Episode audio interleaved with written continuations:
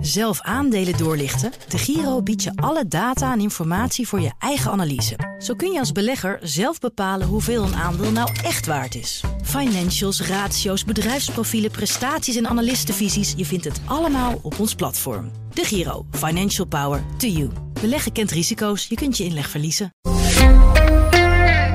Doorgelicht wordt mede mogelijk gemaakt door de Giro. Financial Power to you.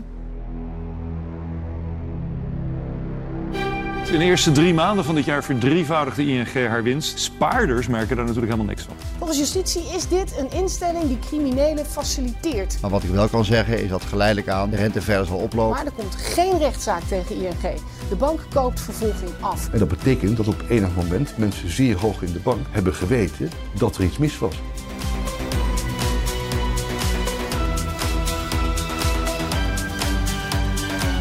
Het is de grootste bank van Nederland. Met een balanstotaal die ons totale bruto binnenlands product weet te naderen.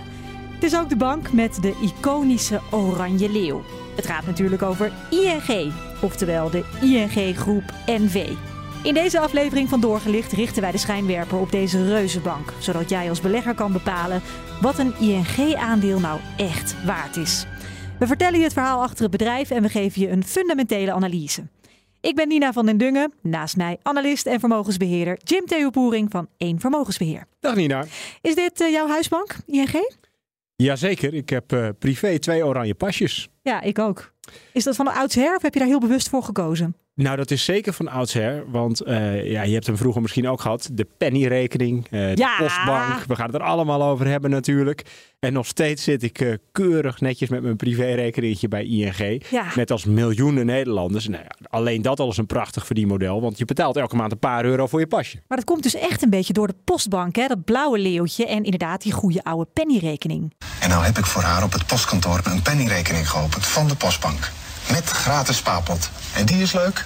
Kijk, gulden erin. Hup, bij de guldens. Rijksdaalder. Tjoeps, bij de Rik. Dit is Bert uh, Huizinga, of hoe heet die Bert Kuizinga? Ja, Bert Kuizinga. Kuizinga. Ja. In de jaren tachtig uh, heeft hij deze reclame voor de pennyrekening gedaan. Ik weet inderdaad nog dat ik ook als kind, dat was prachtig, die pennyrekening, die, die spaarpot. Ja, dat was briljant natuurlijk, hè? want je gooide er een muntje in, je hoorde het al een gulden, en dan rolde die naar het juiste vakje en dan zag je aan het stapeltje hoeveel guldens ja, of rijksdaalders je al had, wat je vermogen was. Ik herinner me nog heel goed, want er was één jongen in de klas die had zo'n ding uh, gekregen bij het openen van een spaarrekening. Of, en hij nam hem mee naar school in de kleuterklas. Nou, je raadt al wat er gebeurde. Het duurde een paar weken. Iedereen had zo'n ding. Iedereen Ja. wilde hem hebben. Dus ja, dat was natuurlijk marketing die geweldig was. En ja, we hebben het er al over. Hè. Wij hebben nog steeds de ING-rekening. Dus allemaal dankzij Bert Kuizinga. Precies. En mensen zijn dus heel loyaal blijkbaar naar hun bank. Uh, even een belangrijke disclaimer voor deze podcast. We geven absoluut geen beleggingsadvies. Wat geven we wel? Nou, we geven duiding, we geven achtergrond. We proberen handvatten te geven aan iedereen die luistert. Om uiteindelijk zelf de beslissing te kunnen nemen. Of je wel of niet in zo'n aandeel zou willen beleggen. Of het bij je past of niet. Wat de risico's zijn. Ja, en uiteindelijk ben je natuurlijk zelf verantwoordelijk. En uh, we hebben het al vaak gezegd. Hè, de resultaten uit het verleden bieden geen garantie voor de toekomst. Want beleggen brengt nou eenmaal risico's met zich mee. Dan gaan we beginnen met de geschiedenis van ING. Dan beginnen we nu even bij het NOS-journaal. De top van ING moet mogelijk voor de tuchtrechter verschijnen voor de witwaszaak die deze week aan het licht kwam. Stichting Tuchtrecht Banken heeft informatie over de zaak opgevraagd bij ING. De eerste stap tot vervolging. Criminelen konden jarenlang gebruik maken van rekeningen van ING en zo honderden miljoenen witwassen. De bankiers kunnen een beroepsverbod krijgen van maximaal drie jaar. Dit was juni 2018. ING wordt dan verdacht van de grootste witwaszaak die Nederland ooit gekend heeft. En alle ogen zijn met name gericht op het bankbestuur en dan ook de topman van dat moment, Ralf Hamers. Er was al wat commotie rondom Hamers in verband met zijn salarisverhoging, zeer bescheiden salarisverhogingen, 50% erbij. Hoe het zo ver heeft kunnen komen en hoe dat is afgelopen, daarvoor moeten we beginnen bij de geboorte van ING. De ING Groep NV, zoals we hem vandaag kennen, die wordt opgericht in het jaar waarin dit nummer op zo'n beetje elke muziekzender te horen was. Eén seconde, welke is het? Should I pay or should I go? ja, right. Should I stay or should I Oh, stay. Ja, oh, precies. En dan in 1991 was dit een enorme hit van The Clash. Het is ook in dat jaar dat uh, twee financiële dienstverleners besluiten om samen te gaan. Het zijn dan de Nederlandse middenstandsbank Postbank, hè, die een paar jaar ervoor waren gefuseerd. De NMB en de Postbank in 1989. En die gaan nu samen met Nationale Nederlanden, een verzekeraar en financieel dienstverlener. Die gaan dus samen de ING-groep vormen. Staat voor Internationale Nederlanden Groep. En een aandeel is na de fusie ruim 46 gulden waard. Weet jij iets over de waarde op dat moment, hoe dat ging?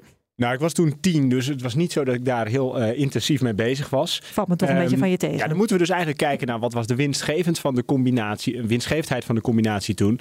En ja, die heb ik niet terug kunnen halen. Wat wel zo was, en beleggers van het eerste uur die weten dat vast nog, dat Nationale Nederlanden al sinds de oprichting van de AEX, ik geloof in 1983, ook al in de AEX zaten. Dus de Nationale Nederlanden groep die was beursgenoteerd. Die namen ING over. Of sorry, die namen Nederlandse middenstandsbank Postbank over. Ja. En dat werd samen ING. En die kregen een aparte notering. Dus ja, ze waren eigenlijk al voor de helft beursgenoteerd. Nou, met de fusie was er een notering 46 gulden toen. Ja, precies. Nou, in 1991 dan merk je dus ook dat de ING-groep niet alleen uit banken bestaat, maar ook uit verzekeraars. Bankieren en verzekeren onder één dak. En dat is geen toeval. Want een jaar eerder werd het verbod op fusie tussen verzekeraars en banken afgeschaft. Dat had ook een reden, want in de jaren 90 maakt Nederland zich klaar voor de dan aankomende openstelling van de Europese interne markt. En dat was super spannend, omdat er dus in één klap heel veel buitenlandse concurrentie bij zou kunnen komen voor de Nederlandse financiële sector. En door financiële dienstverleners hier dan te laten fuseren, dacht de Nederlandse staat van nou, dan staan we in elk geval ons mannetje, dan hebben we wat tegenwicht kunnen bieden.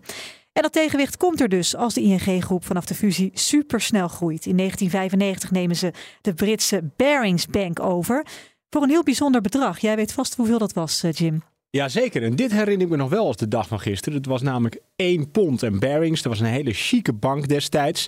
Ja, die ging dus uh, vrijwel, of die ging meer dan failliet in een dag. En dat kwam allemaal door toedoen van een uh, handelaar, Nick Leeson. Niemand kende hem, die had ik verder helemaal geen positie. Nou, jij gaat er nog meer over vertellen, maar Nick Leeson die bracht eigenlijk de hele bank ten val. Ja, dat is inderdaad, was een medewerker van de bank. Uh, hij deed extreem risicovolle investeringen op de Aziatische beurs. Dat ging compleet fout. En daarom springt eigenlijk die ING-groep erin in 1995 met een overname voor een zeer symbolisch bedrag van een pond. En daardoor komt er wel in één klap 80 miljard gulden aan vermogen op de balans bij. En het bedrijf krijgt dus ook een hele sterke positie in het Verre Oosten, naast de bestaande activiteiten al in Amerika die ze hadden en ook in Oost-Europa. En de ING-groep krijgt dus ook in één keer heel veel naamsbekendheid wereldwijd. Nou, twee jaar na die monsterovername van Barings neemt ING in de Benelux de Belgische bank Brussel Lambert over. Ook worden er in de Verenigde Staten een grote verzekeraar en een zakenbank overgenomen. En er volgen nog wat overnames in Duitsland. Nou, dus die bank die groeit en groeit. Aan het einde van de jaren 90 was daar natuurlijk ook de internethype. ING die springt daarop in met ING Direct. Dat is een internetbank die in korte tijd in meerdere landen te vinden is. En door dat succes online schiet de winst in het eerste kwartaal van 1997 met meer dan een vijfde omhoog tot een bedrag van bijna 900 miljoen gulden. ING Direct begint klein met slechts een spaarrekening als optie. Maar al snel komen daar allerlei financiële diensten bij. En dankzij het succes is ING in 2000 de grootste internationale verzekeraar van Latijns-Amerika. En op één na grootste in Azië. Is toch best wel een prestatie hè, voor iets wat in Nederland begint. Ja, de openstelling van de Europese markt heeft er natuurlijk aan bijgedragen. Maar uiteindelijk, ja, ING was echt wel een bank in die zin ook om trots op te zijn. Wereldwijd aanwezig. Als jij in uh, Zuid-Amerika kwam, dan kon je dus gewoon filialen tegenkomen van ING direct. Zag je daar dat oranje leeuwtje? Ja, nou de overnamemanie van ING stopt na de millenniumwisseling wel even. Wel maar echt even, want in 2007 wordt de Turkse Oyak Bank overgenomen voor 2 miljard. Er zijn natuurlijk in de tussentijd wel wat meer overnames gedaan, maar dit was echt een van de grotere in lange tijd. En tot nu toe lijkt het dus een groot succesverhaal voor ING. Maar dan komt het rampjaar. 2008. Dat was natuurlijk een rampjaar voor de totale financiële sector. Want dan was de bankencrisis. Net zoals zo'n beetje alle banken wordt ING heel hard geraakt door de financiële crisis. Een enorme bank die in 2007 nog bijna 10 miljard euro winst draaide boekte in 2008 plotseling ruim 700 miljoen euro verlies. Nou, dat was echt even slikken. Er komen al snel enorme kapitaalinjecties vanuit het Rijk om ING overeind te houden. Want de bank is gewoon too big to fail. De CEO van dat moment is Michael Tielman, is natuurlijk blij met de steun. Dat zei hij tijdens een persconferentie. 10 billion euro capital injection by the Dutch state makes ING even stronger. Our capital ratios were adequate and, and met all regulatory requirements. We have accepted the consequence of this situation and welcome the support of the Dutch state. Alleen komt een uh, miljardensteunpakket wel met een aantal voorwaarden vanuit de Europese Unie. De EU wil bijvoorbeeld dat uh, ING herstructureert door meer onder andere uh, flink wat bedrijfsonderdelen wereldwijd te verkopen. En ook moeten alle verzekeringsactiviteiten voor 2013 verkocht zijn. Krijgen ze dus vijf jaar de tijd voor. Dat liberale beleid van 1990, waarin dus eigenlijk alles en iedereen mocht fuseren, dat is definitief voorbij. En ING mag ook tijdelijk geen overnames meer doen. Dit klinken mij best wel strenge eisen, Jim. Waarom was dat? Nou, die waren ook wel nodig, want ING zat dat op dat moment aan het infuus, zoals dat werd uh, gesteld in die tijd. Er was natuurlijk wel, uh, ja, misschien waren het wel te grote risico's op de balans opgenomen, zonder dat onderliggende risico's daadwerkelijk bekend waren bij het management. Eigenlijk was de dwang naar groei zo groot dat er geen oog meer was voor risico's. In ja. uh, economische termen noemen we dat ook wel de moral hazard. Dus je neemt onverantwoorde grote risico's eigenlijk met het geld van een ander. Want laten we wel wezen, dat was in principe geld beschikbaar gesteld door de aandeelhouder. Die liep ook het risico. Nou, om een idee te geven, aandelen ING die stonden zo'n 35 euro voor de kredietcrisis. Mm -hmm. uh, draaide allemaal goed, werden mooie winsten gemaakt. Midden in de kredietcrisis, op het dieptepunt, was daar nog 2 euro van Zo. over. Dus ja. meer dan 90% ging in rook op. Nou, waarom ook die strenge eisen? Omdat ze dus die kapitaalsteun van de overheid hadden. Um, er moesten heel veel mensen worden ontslagen. Bankiers die stonden toen ook bekend als graaiers. Als je zei ik werk bij ING, nou dan, dan dat kon je gewoon beter maar niet zeggen. Bonussen die werden uh, op dat moment natuurlijk on hold gezet. Ook terecht, want er waren bonussen uitgekeerd waarvan je achteraf kan zeggen ja had dat wel gemoeten. Toch moet ik hier ook wel een positief element uh, benoemen. Want inderdaad, de belastingbetaler die heeft bijgedragen aan die steun. 10 miljard. Mm -hmm. Maar vervolgens is Jan Hommen aangetrokken als, uh, als CEO. Ja? Die heeft het voor een nou, relatief laag salaris uh, gedaan. En wat is relatief laag in die uh, tijd? Ik meen dat het 750.000 euro is, maar dat oh, weet ik niet zeker. Arme Jan Hommen. Nou, die heeft wel hard gewerkt en echt orde op zaken gesteld. Want laten we wel wezen, ING is weer een gezonde winstgevende bank. En die 10 miljard is terugbetaald. Mm -hmm. Met een boete van 50% en volgens mij ook nog 8% rente. Dus zelfs de belastingbetaler is hier heel goed weggekomen. Ja. Er wordt weinig over gesproken, maar... Mag dit, wel eens gezegd worden. Ja, vind ik wel. ING mag dan pas weer overnames doen als er aan uh, alle eisen voldaan is. En zover is het pas in 2016 als de laatste aandelen van de NN Group verkocht worden. Vanaf dat jaar is ING dus weer exclusief een bank. Onder de ING Groep NV valt dan dus ook enkel en alleen de ING Bank. Je zou zeggen dat de zware jaren voor het ING-bestuur dan wel even voorbij zijn. Maar dat is niet waar, want er gaat iets enorm fout bij de bank. Opnieuw. Uit een onderzoek van het OM blijkt namelijk dat Wimpelcom, dat is een Russische telecomprovider aan de Zuidas, tussen 2007 en 2011 ruim 50 miljoen dollar aan steekpenningen betaalde aan de dochter van de toenmalige president van Oezbekistan. Allemaal via een ING-rekening. Nou, met dat overgemaakte geld hoopte Wimpelcom toegang te krijgen tot de telefoonmarkt van Oezbekistan. Maar daar stak het OM een stokje voor, zo zegt een woordvoerder tegen de NOS. We hebben onder andere een doorzoeking gedaan in het uh, kantoor van Wimpelcom in Amsterdam. En ING wist overigens al jaren dat er wel wat loos was bij dat bedrijf, maar er werd geen actie ondernomen. Zo concludeert de Fiscale Inlichting en Opsporingsdienst, de FIOD, in 2016. En daarop startten ze een onderzoek naar ING. Twee jaar later, in 2018 wordt toch wel duidelijk dat ING jarenlang wereldwijde witwaspraktijken heeft gefaciliteerd. Klanten van ING konden eigenlijk gemakkelijk honderden miljoenen euro's witwassen zonder dat de ING ingreep. En daarom komt het dus tot een megaschikking tussen de bank en het OM. 775 miljoen euro, de grootste ooit in Nederland. En naast een schikking is er ook een hoorzitting in de Tweede Kamer. Ik kan wel zeggen dat ik het heel erg vind. En dat vind ik ook. We werken keihard met z'n allen bij ING. Ralf Hamers, de toenmalig topman van ING was dit. Maar goed, over die boete van 775 miljoen euro. Doet dat nou echt pijn hè, als je een jaarwinst hebt van bijna 5 miljard euro in 2017, Jim? Nou, beleggers die schrokken daar natuurlijk van, reageerden negatief, verkochten de aandelen. Uh, je kunt ook zeggen, van, ja, het is 20% van de jaarwinst. Wat wel een voordeel is voor beleggers. Het is een eenmalige last, een eenmalige boete, dus niet terugkerend. Dus Nee. het is niet een terugkerend probleem. Maar het maakt wel dat beleggers ook in de toekomst misschien terughoudender zijn met investeringen in banken en in het bijzonder in ING. Dit, dit soort dingen kunnen dus gebeuren en het kan ook bij anderen. Dat hebben we trouwens ook gezien, want er Hebben zijn meer eh, schikkingen getroffen. Ja. Ja, en bij ING is het, nou, het is nog net geen schering en inslag. Maar eh, het is wel een bank die regelmatig op zo'n manier in het nieuws komt. Ja, precies. Dat eh, komen ze ook nog over te spreken. En we moeten het ook nog even hebben over de CEO Ralf Ja. Hamers van dat moment. Hij is dus in 2018 als topman betrokken bij dat hele witwasschandaal. En terwijl dat allemaal gaande is, wil de Raad van Commissarissen wel zijn salaris verhogen. Met, wat ik al net zei, 50% naar 3 miljoen euro per jaar. Politiek en samenleving die spraken er schande van. Verhoging werd snel weer teruggedraaid, maar Hamers die lijkt toch wel echt uit op dat hogere salaris. Hij stapt in 2020 over naar de Zwitserse bank UBS. Het salaris daar 12,7 miljoen per jaar. Later wordt hij hier notabene door de tuchtrechter berispt. Want het plan om zijn salaris bij ING in één klap met 50% te verhogen... dat heeft geleid tot een knauw in het maatschappelijk vertrouwen in banken. Zo oordeelt de tuchtrechter. En ook besluit het OM in 2020 om alsnog Ralf Hamers persoonlijk te gaan vervolgen... voor de witwaszaak van ING.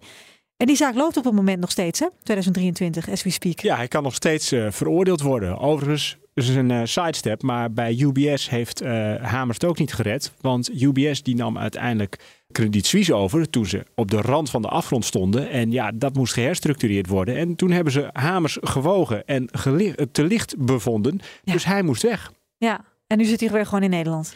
Eh, ja, ik denk dat hij eh, nou ja, beschikbaar is eh, voor een nieuwe uitdaging. Hmm. Nou, terug naar ING, want in 2022 is de bank opnieuw betrokken bij een witwaszaak. Dit keer gaat het om een dochter van de ING-bank, Payvision. De OM en de Field doen vandaag de dag nog steeds onderzoek. En bovendien zijn beleggers zelf ook bezig hè, met aanklachten tegen ING. En ook in Spanje worden er witwasonderzoeken heropend. Dus ze zijn er heel erg druk mee. Het gaat niet echt lekker daar. Maar de slechte publiciteit van de afgelopen jaren slaat zeker geen deuk in de cijfers. In 2020 bedroeg de winst van de ING-groep eh, bijna 2,5 miljard euro. In 21 bijna 4,8 miljard. En in 22 bijna 3,7 miljard. En in 2023, het jaar waarin we dit ook opnemen, deze aflevering, stijgt de winst explosief vanwege de stijgende rentes. Alleen al in het eerste kwartaal verdiende de bank bijna 1,6 miljard euro. Of het aandeel het ook zo goed doet, dat gaan we bespreken in een fundamentele analyse. Laten we beginnen met de strengths, de weaknesses, de opportunities en de threats van de ING-groep. Eh, ja, de sterke punten van ING, Jim. Ja, want we hebben al een heleboel eh, tegenvallers gehad. Hè? Dat is ook Nou. altijd wel de reden waarom ik een beetje terughoudend ben met beleggen in banken. Hè? Dus vaak een black box. Want eh, Jij hebt ja, het helemaal niet, beleggingen in banken? Nou, bij voorkeur niet. En hoe groter de bank, hoe groter vaak ook het risico. Want dan hebben ze allerlei divisies, vaak ook nog eens een keer weer wereldwijd gespreid. Ja. Eh, een voorbeeld, op het moment dat de eerste keer onrusten uitbraken in Oekraïne. eh, en dat, dat was niet in 2022, maar volgens mij al in 2014. Met Krim, ja. Ja, klopt inderdaad. Toen bleek ook dat ING 8 miljard exposure had in Oekraïne. Nou, daar wist niemand iets van. Nee. Ehm, dus je hebt heel vaak wel ergens een risico wat niet bekend is, totdat er zich een event voordoet. Je noemde net Payvision. Volgens mij heeft ING dat gekocht voor 350 miljoen. Hm. Uiteindelijk afgeschreven op een euro. Dus dat soort investeringen, misstappen, allemaal eh, ja, eh, eh, bedoeld om de bank te laten groeien. Ja, die ontploffen soms ook wel eens in je gezicht. Ja. Nou, Kijk je naar de waarderingen, dat gaan we straks doen, dan lijkt ING dus ook heel goedkoop. Dat geldt voor veel banken. En dat komt eigenlijk omdat er vaak risico's zijn die je op het eerste oog niet ziet. Nou, Nee, heb je eigenlijk al, heb je, zijn we al begonnen met eh, de, de zwakke ja, we punten? moeten, we moeten even naar de sterke punten. Je hebt Ja. helemaal gelijk. En daar zijn we ook mee begonnen. Want wat is nou het grote voordeel van ING? Is dat ze in Nederland eigenlijk 40% van de markt in handen hebben. Het is gewoon de allergrootste Nederlandse bank. En ze hebben een hele loyale klantengroep. Nou, dat komt natuurlijk door de geschiedenis. Maar ook omdat het niet zo heel makkelijk is om over te stappen. Je zit wel een beetje gevangen in de bank. Je hebt Ja. daar verschillende producten, misschien een hypotheek. Eh, overstappen betekent dat je dan weer eh, heel veel administratief gedoe hebt, maar waarschijnlijk ook meer kosten gaat maken. Wat dus eh, zo is, is de loyale klantengroep, maar ook wel de wereldwijde spreiding. Ze zijn eh, eh, actief in 37 landen. Mhm. Dus wereldwijd kun je terecht bij ING. En wat ook wel echt waar is, de bekende gouden handboeien, zoals die worden genoemd uh, bij bankiers, die verdienen goed. Maar het maakt ook dat heel veel medewerkers van ING er al lang zitten, het bedrijf goed kennen en toegewijd zijn. Ja, dus ja. dat is echt wel krachtig. Dus ook goed voor de ESG-rating. Ze gaan heel goed met het personeel om. Uh, ja, zeker.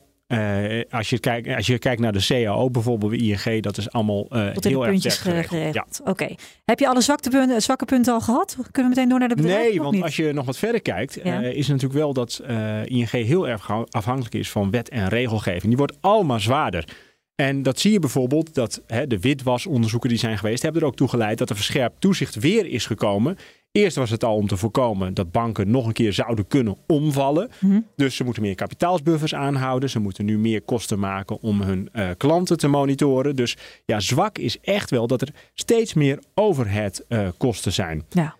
Ja, een ander zwak punt is, en dat is wel samenvattend, is dat ze echt wel een, een knauw hebben gehad en een mindere naam door alle schandalen die rondom het uh, bedrijf hebben plaatsgevonden de afgelopen ja, jaren. Maar of er nou echt veel klanten door vertrekken, ik, ik niet. Ja. De winstgevendheid blijft wel. Het houdt er meer uh, als belegger is het iets om rekening mee te houden. Want of het nou pay-vision is of een boete.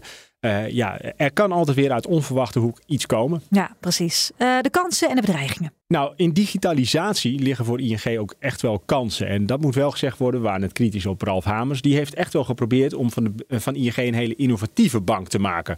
Maar misschien uh, soms vooral op een beetje visionair gebied. En wat minder met de daadwerkelijke kennis van de IT-systemen van de bank. Ja. En die rammelen aan de onderkant soms daardoor wel eens wat. Dat ze eigenlijk iets te snel zijn gegaan. Maar uh, digitalisatie, innovatie, daar is ING wel een stap verder in dan een hoop andere banken. Mm -hmm. Ik denk ook dat ze wel uh, bedrijfsprocessen nog verder zouden kunnen digitaliseren. Doordat het bedrijf al zo lang bestaat, uh, veel overnames zijn geweest, uh, is niet elk proces optimaal. En daar kan echt nog een slag in geslagen worden. En dan kom je op de andere kant, is dat de kosten omlaag zouden kunnen. Want de kosten zijn hard opgelopen in de afgelopen jaren. Uh, met name voor personeel voor het uh, klantenonderzoek. Maar als je daar nog weer een slag in weet te maken en die kosten weet te reduceren, ja, dan gaat de winstgevendheid omhoog. Ja. Vinden beleggers leuk. En daar kan je inderdaad echt iets met automatisering, misschien wel AI, dat veel beter gaat scannen op, op vreemde data hè, in die witwaspraktijken. Ja, dat Ja. klopt inderdaad. Dus daar is veel, veel te doen. Ja, Mhm. hè, dat is als een kleine stap dan ook naar de bedreigingen. Als we het dan hebben over zwakke punten.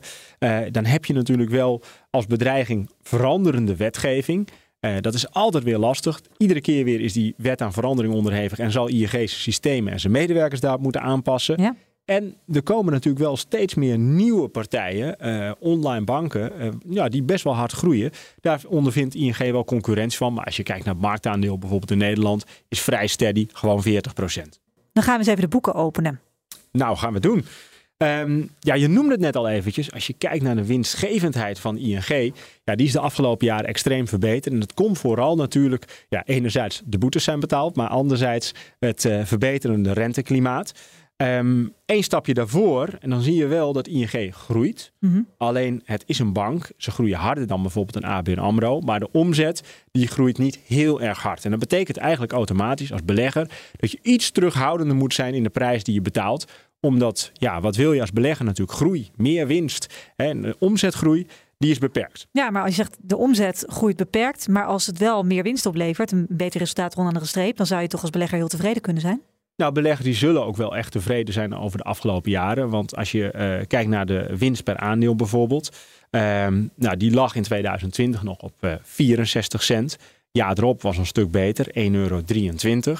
Waarbij wel gezegd moet worden dat winsten van bank dus wel heel, banken heel gevoelig zijn voor eenmalige baten bijvoorbeeld. Of boetes. Ja. Hè, lasten in dit geval.